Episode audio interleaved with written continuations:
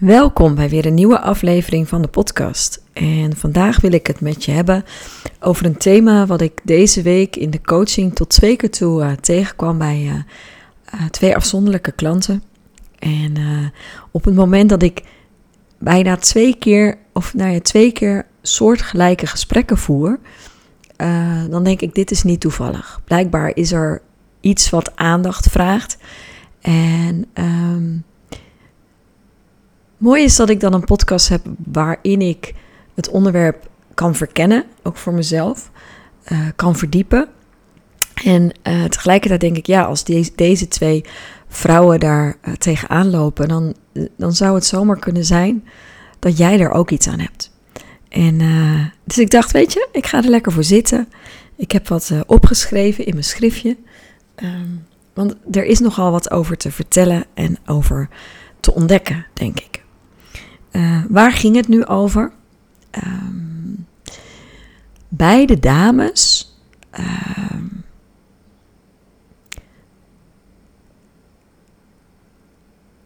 geven allebei onwijs veel aan anderen. Het zijn prachtige mensen, allebei, hele mooie vrouwen. En een van hun kwaliteiten is dat ze zich onwijs dienstbaar op kunnen stellen aan anderen. Daarbij zijn ze ook onwijs loyaal aan anderen.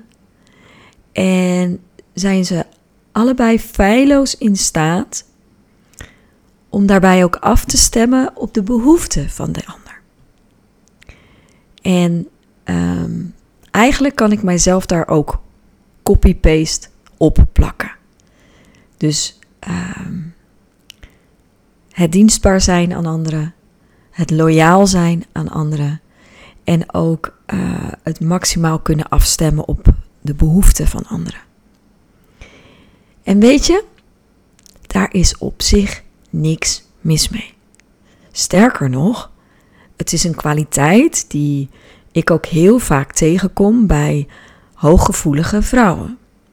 En ik zeg bewust vrouwen, omdat het ook iets is wat ik heel vaak terugzie bij vrouwen. Wij vrouwen zijn, uh, hebben blijkbaar, en niet allemaal, ik ga niet generaliseren, maar wij vrouwen hebben daar nogal een handje van. En wat ik zeg, op zich is dat een hele mooie, waardevolle kwaliteit. Waar we trots op mogen zijn. Wij hooggevoelige vrouwen. Um, maar die kwaliteit, die kan ons ook ernstig in de weg zitten. En dan zijn het kwaliteiten die ons in situaties niet behulpzaam zijn. En de dames met, die ik coach, uh, en sowieso mensen in het algemeen die ik coach, die zijn vaak op de een of andere manier vastgelopen. Die hebben vaak um, mechanismen ontwikkeld die op een bepaald moment in hun leven behulpzaam waren. Um, maar omdat zij zich ontwikkelen, omdat jij groeit, kan het zomaar zijn dat bepaalde mechanismen jou niet meer behulpzaam zijn.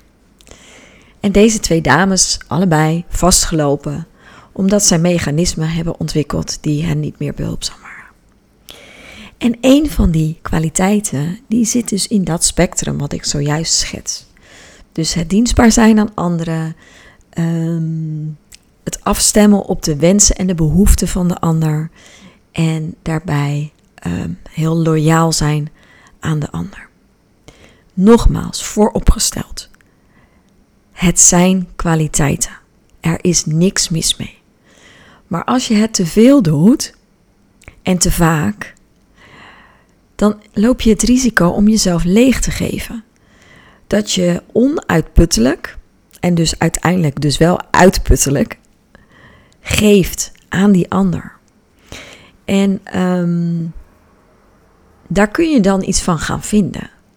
Zeker als je energie laag uh, is um, en je wil er eigenlijk van af. Het gaat schuren. Je hebt zoiets van, maar ja, shit, ik wil het anders. Dan gaat dat enorm schuren. Want dan merk je dat je eigenlijk vastloopt En dat je meer geeft dan dat je te geven hebt. En ik las onlangs een mooie, ja, niet een quote, maar een stukje tekst. Waarin gezegd werd: eigenlijk uh, is het de bedoeling dat je je kopje tot de rand toe vult. En al dat wat overstroomt, is pas voor de ander. In plaats van je hele kopje leeggeven, totdat er op een gegeven moment niks meer te geven is. Waarbij je dus ook jezelf niet voedt. En daar zit hem denk ik de crux.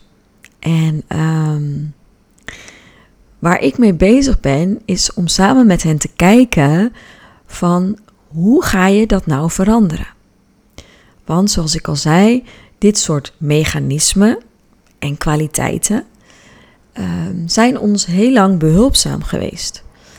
Uh, soms hebben we ze ook echt nodig gehad om te overleven. Want als jij niet optimaal afstemt op de ander, dan kun je hem wel eens om de oren krijgen. Loop je de kans op afwijzing. Uh, loyaliteit zorgt er ook voor aan de ander dat je niet wordt afgewezen of dat je niet het risico loopt om uh, uitgestoten te worden, dus buiten de kudde gezet te worden. Het zijn allemaal hele logische mechanismen waarom wij dat zo krachtig hebben ontwikkeld. En dat we er ook wel fier op zijn. Eigenlijk is het ook wel heel vaak zo dat wij vrouwen een stukje van onze identiteit halen uit het dienstbaar zijn aan anderen. We willen graag behulpzaam zijn. We willen graag goed doen voor een ander. Um, en het bijzondere is dat um, op het moment dat je dat allemaal naar de ander toe doet, dat je eigenlijk jezelf en je eigen behoeften uit het oog kunt verliezen. En um, dan wordt die interessant. Want op het moment dat je dan vastloopt en je energie is laag en je overziet het allemaal niet meer, dan op een gegeven moment ontstaat er ook een schaarste in je eigen energie. En kan het zomaar zijn dat je over je eigen grenzen heen gaat, structureel. En dat je je eigen behoeften niet eens meer voelt, omdat je zo bent afgestemd op alles wat die ander nodig heeft. En dat kan op alle niveaus. Hè? Dus dat kan zijn je kinderen, dat kan zijn je partner, dat kan zijn je klanten of uh, wat, wat je ook voor werk doet. Dat kan zijn je leidinggevende. Um, ouders, noem alles maar op. We hebben dus, dus in die zin mag je hem ook in de breedste zin van het woord nemen. Deze dames die komen bij mij en we beginnen dan met een bewustwordingsproces. Dus eh, mindfulness helpt je om bewust te worden van uh, processen, van mechanismen, uh, van kwaliteiten die je toepast in situaties die je niet langer behulpzaam zijn. En daar zijn ze hartstikke goed in. Allebei. Ze zijn echt kick-ass leerlingen. Dus ze hebben zich vol op die mindfulness gestort. Uh, zijn heel bevlogen, heel toegewijd. Met als resultaat dat ze knetterbewust aan het worden zijn. En dat is heel fijn, want dan, dan zie je heel goed wat je wil veranderen. En tegelijkertijd is het ook een echt is het super. Uh, ik zal geen lelijke woorden gebruiken hier. Dat zou ik normaal eigenlijk wel doen. Dus waarom niet? Maar goed, oké, doe ik niet. Ik hou het netjes. Dat is absoluut super. Ja, sorry, kut. ik kan het niet anders zeggen. Ja, ik probeer dan een net woord te verzinnen, maar het lukt gewoon niet. Het is gewoon kut. Als je in, in die periode zit dat je zo bewust wordt van alles wat je doet, wat je niet langer behulpzaam is. Want wat je eigenlijk wil in zo'n periode is dat je het onmiddellijk wil veranderen. Ja, en als je nou 40, 45, 50 bent en je hebt al die tijd gedaan wat je hebt gedaan, betekent niet dat je als je eenmaal door hebt dat je het anders wil, dat het ook zomaar met een knip van de vingers is gebeurd. Bewust worden geeft je als het ware de inzicht, het inzicht dat je iets wil veranderen. Dat is de winst. Dat is eigenlijk al de groei ten opzichte van alles wat je daarvoor hebt gedaan. Want loyaal zijn aan anderen, um, toegewijd zijn aan anderen, dienstbaar zijn aan anderen, afstemmen op anderen, dat doe je al zo lang dat het eigenlijk een automatisme is. En dat je daarbij jezelf uit het oog verliest, of misschien wel niet eens jezelf in, ooit in het oog hebt gehad, is daarbij de bijkomstigheid. En die bijkomstigheid die maakt het lastig. Want je geeft jezelf leeg en dat is wat je op een gegeven moment niet meer kan, omdat er geen energie meer is of omdat het zo hard schuurt dat je echt voelt dit moet anders. En in die periode dat het schuurt, dus dat jij bewust wordt van, het, van hetgeen wat je wil veranderen, ga je aan de slag met dat thema. Zij zijn dus hartstikke aan de slag met het thema. En de neiging die je dan kunt hebben, is dat je er als een met zeven mijlslaarzen doorheen wil. Dat je die verandering eigenlijk stand wil doorvoeren, want je weet het nu toch. Je weet nu toch dat je het anders wil. Dus dan moet je het toch ook gewoon doen. Ja, sorry lieve mensen, maar zo werkt het niet. Uh, heel lullig. Maar uh, gedragsverandering kost tijd. En zeker Ehm, als het gaat om zulke hardnekkige, ingesleten patronen. Groeven noem ik het ook wel. Ingesleten paadjes, hoe jij het noemen wil. Dat kost tijd. Uh, dat kost dat je verdraagt dat het nu nog niet is zoals jij het graag zou willen. En eigenlijk vraagt deze periode onwijs veel uh, compassie met jezelf. En daar gaat het vaak mis. Want dat hebben we niet geleerd. Wat ik heel veel zie, is dat juist in deze fase wij ongelooflijk streng zijn voor onszelf. Dat we vinden dat we het onmiddellijk moeten kunnen, want we weten het. En als, het dan, als we het dan niet doen, dan zijn we eigenlijk sukkels. En dat zijn mijn woorden. Ehm, de woorden die zij gebruiken zijn anders, maar komen eigenlijk op hetzelfde neer. Dus ze komen bij mij binnen en zijn dan super streng voor zichzelf. Want ik bak er geen pepernoot van. Het lukt allemaal niet. Uh, ik zou toch beter moeten weten. En allemaal met de zweep eroverheen. En is heel begrijpelijk. Want er is ongeduld. Uh, er is een gedachte dat omdat ik het nu beter weet, moet ik het ook maar direct beter doen. En ik zeg eigenlijk altijd een aantal dingen. Wat ik zeg is, als het simpel was en als het gemakkelijk was, had je het al lang gedaan. Het is niet moeilijk in de zin van het is hogere wiskunde, want met je brein kun je prima begrijpen wat je anders wil doen. Alleen, het is wel lastig om het te gaan doen. En het grappige is dat de neiging dan ook gelijk is om gelijk het meest, de meest grote ingewikkelde situatie te kiezen om dat te willen gaan veranderen. Dus je bent loyaal aan je leidinggevende, je bent dienstbaar aan je leidinggevende, je stemt maximaal af op je leidinggevende, daarin ben je vastgelopen. Dus waar wil je het nu het eerste gaan veranderen? Bij je leidinggevende. Of je partner, of wat jouw situatie is. Dus eigenlijk verwacht je van jezelf dat je iets wat je nieuw te leren hebt, gelijk in de meest ingewikkelde, complexe vorm wil kunnen. Eh, dat werkt natuurlijk niet zo. Het is super logisch, hè? want daar is het lijden het grootst. Daar wordt de meeste urgentie gevoeld. Dus het is super logisch dat dat de situatie is die je als eerste wilt gaan tackelen. Is dat realistisch en haalbaar? Nou, nee. Kan hè? Ik bedoel, ik heb, ik heb het gezien. Ik heb het zelf ook wel eens gedaan. Ehm, dat, dat de situatie echt vraagt dat je onmiddellijk koe bij de horens vast, pakt, vastpakt. Nou ja, sorry, whatever. En dat je onmiddellijk begint bij de, de grootste kluif. Maar eigenlijk is dat zeggen: oké, ik ga voetballen. Uh, ik uh, zou eigenlijk moeten beginnen bij de kabouters of de F'jes of hoe heet dat.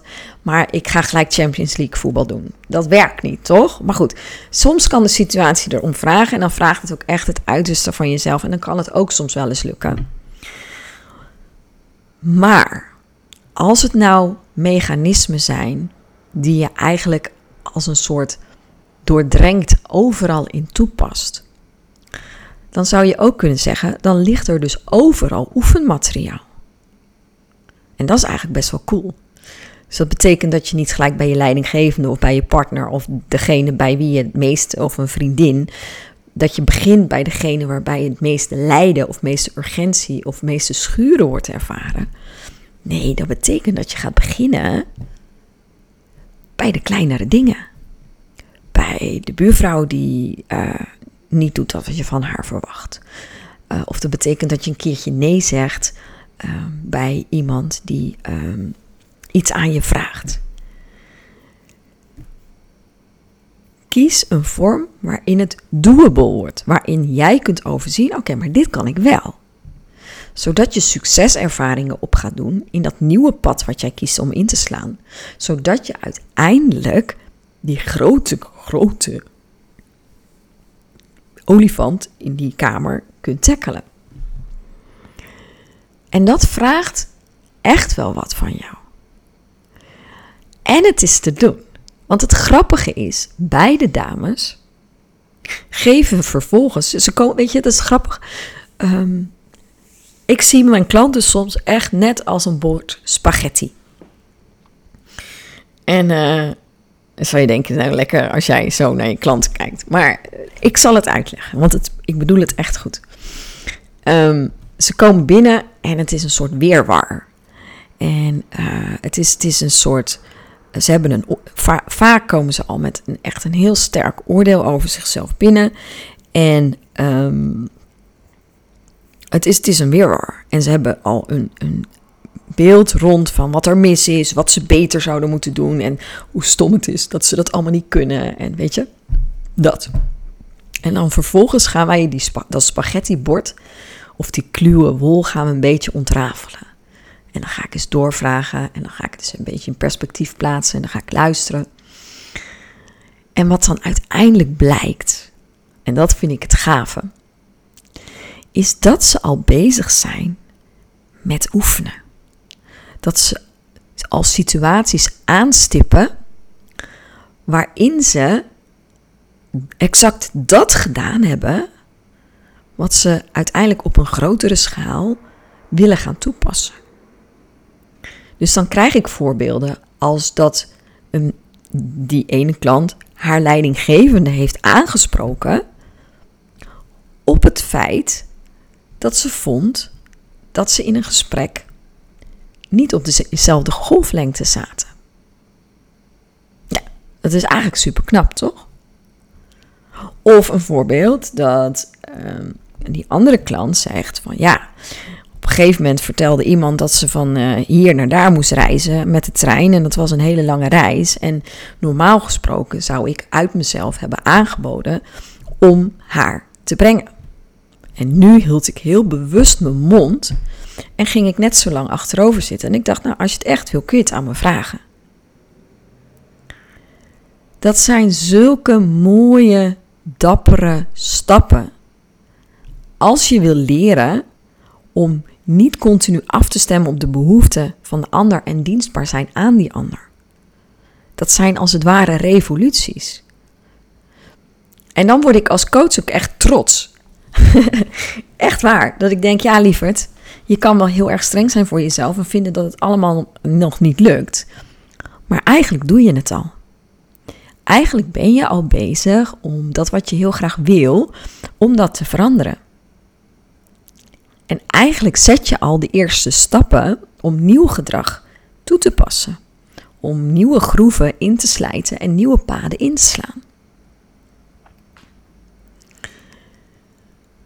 En dan hoor ik heel vaak, ja, maar ik kan het niet. Het lukt me niet. En voor mij is het meest magische woordje bij gedragsverandering is het woordje nog. En dan zeg ik, Voeg daar nou eens het woordje nog aan toe. Je kunt het nog niet. Het lukt je nog niet. En daarmee geef je eigenlijk aan dat je het vertrouwen hebt dat het je uiteindelijk wel gaat lukken. En dat maakt echt een wereld van verschil, ook in hoe het voelt. Want ik kan het niet klinkt als ik kan het niet, ik kan het nooit niet en het gaat me ook niet lukken. Terwijl als je zegt ik kan het nog niet, geef je ook letterlijk de ruimte om te mogen leren, te mogen groeien, te mogen ontwikkelen naar iets wat je heel graag wil bereiken. Dus alleen al door het woordje nog toe te voegen in een situatie waarin het je niet lukt, en dus waarin het je nog niet lukt, ben je al zoveel vriendelijker en milder voor jezelf en verzacht het ook. Ik hoop dat je een beetje voelt wat het verschil is en probeer het zelf maar eens uit in een zin. Iets wat je wil veranderen en, en, je maakt een fout of het lukt me niet of het, het gaat niet lukken. Kijk eens wat er gebeurt als je het woordje nog toevoegt. Want het gaat je nog niet lukken. Ik kan het nog niet. En dat geeft ruimte om te groeien en te leren. Dus ik heb ze allebei het woordje nog meegegeven. Ik zag ze een cadeautje van mij. Hier, neem nog mee naar huis. Ehm, maar het werkt echt. Het werkt echt en het is, het is zoveel zachter en vriendelijker en milder. En dat verdien je ook. Want als het makkelijk was, had je het al lang gedaan. En bewust zijn van wat je wil veranderen is aan de ene kant een cadeautje, want je weet wat je anders wil. En aan de andere kant is het gewoon echt, echt. Ik wil weer het woord niet gebruiken, maar gewoon niet fijn. Want ja, je zit ermee. En je ziet in iedere situatie en je voelt in iedere situatie dat het niet oké is. En juist dat gevoel van het is niet oké, is de grote winst.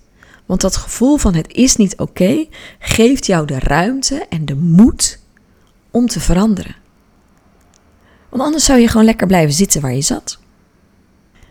En het feit dat je dat niet meer wil, en dat je bij wijze van spreken een bewust besluit neemt om te veranderen, dat is het grootste verschil. En dat is denk ik de groei. Uh, waar ik dan ook onwijs dankbaar en trots over ben. Die ik zie bij beide vrouwen. En ik begin dan te glunderen, terwijl zij denken: ja, shit man, dit voelt niet fijn en wat zit je daar nou te doen? maar ja, weet je, het is, uh, het is soms ook gewoon, het is gewoon hard werken. Aan jezelf om uh, jezelf te mogen ontmoeten. Want het is ook gewoon vriendelijk zijn voor jezelf. Dat jij niet altijd beschikbaar hoeft te zijn naar die ander toe. En dat jij er ook toe doet. En daar wil ik eigenlijk graag de volgende uh, podcastaflevering even op doorgaan. Van dit ging heel erg over het geven aan de ander.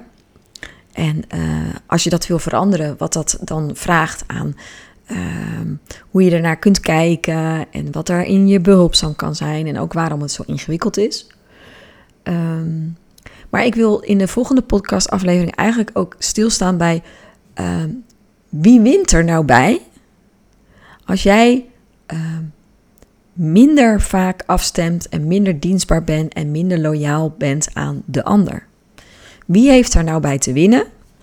En uh, hoe mag dat dus Ehm, in jouw voordeel gaan werken. Dus daar gaan we, ga ik de volgende keer over verder. En uh, het grappige is, uh, ik ga nu op stop zetten en ik drukken en ik ga gelijk door naar de volgende aflevering. ik hoop dat jij dat ook doet, dat je nieuwsgierig bent, een cliffhanger. Um, naar, nou ja, wie heeft er nou voordeel bij als ik uh, mijn grenzen aan ga geven en dat ik, nou ja, dat.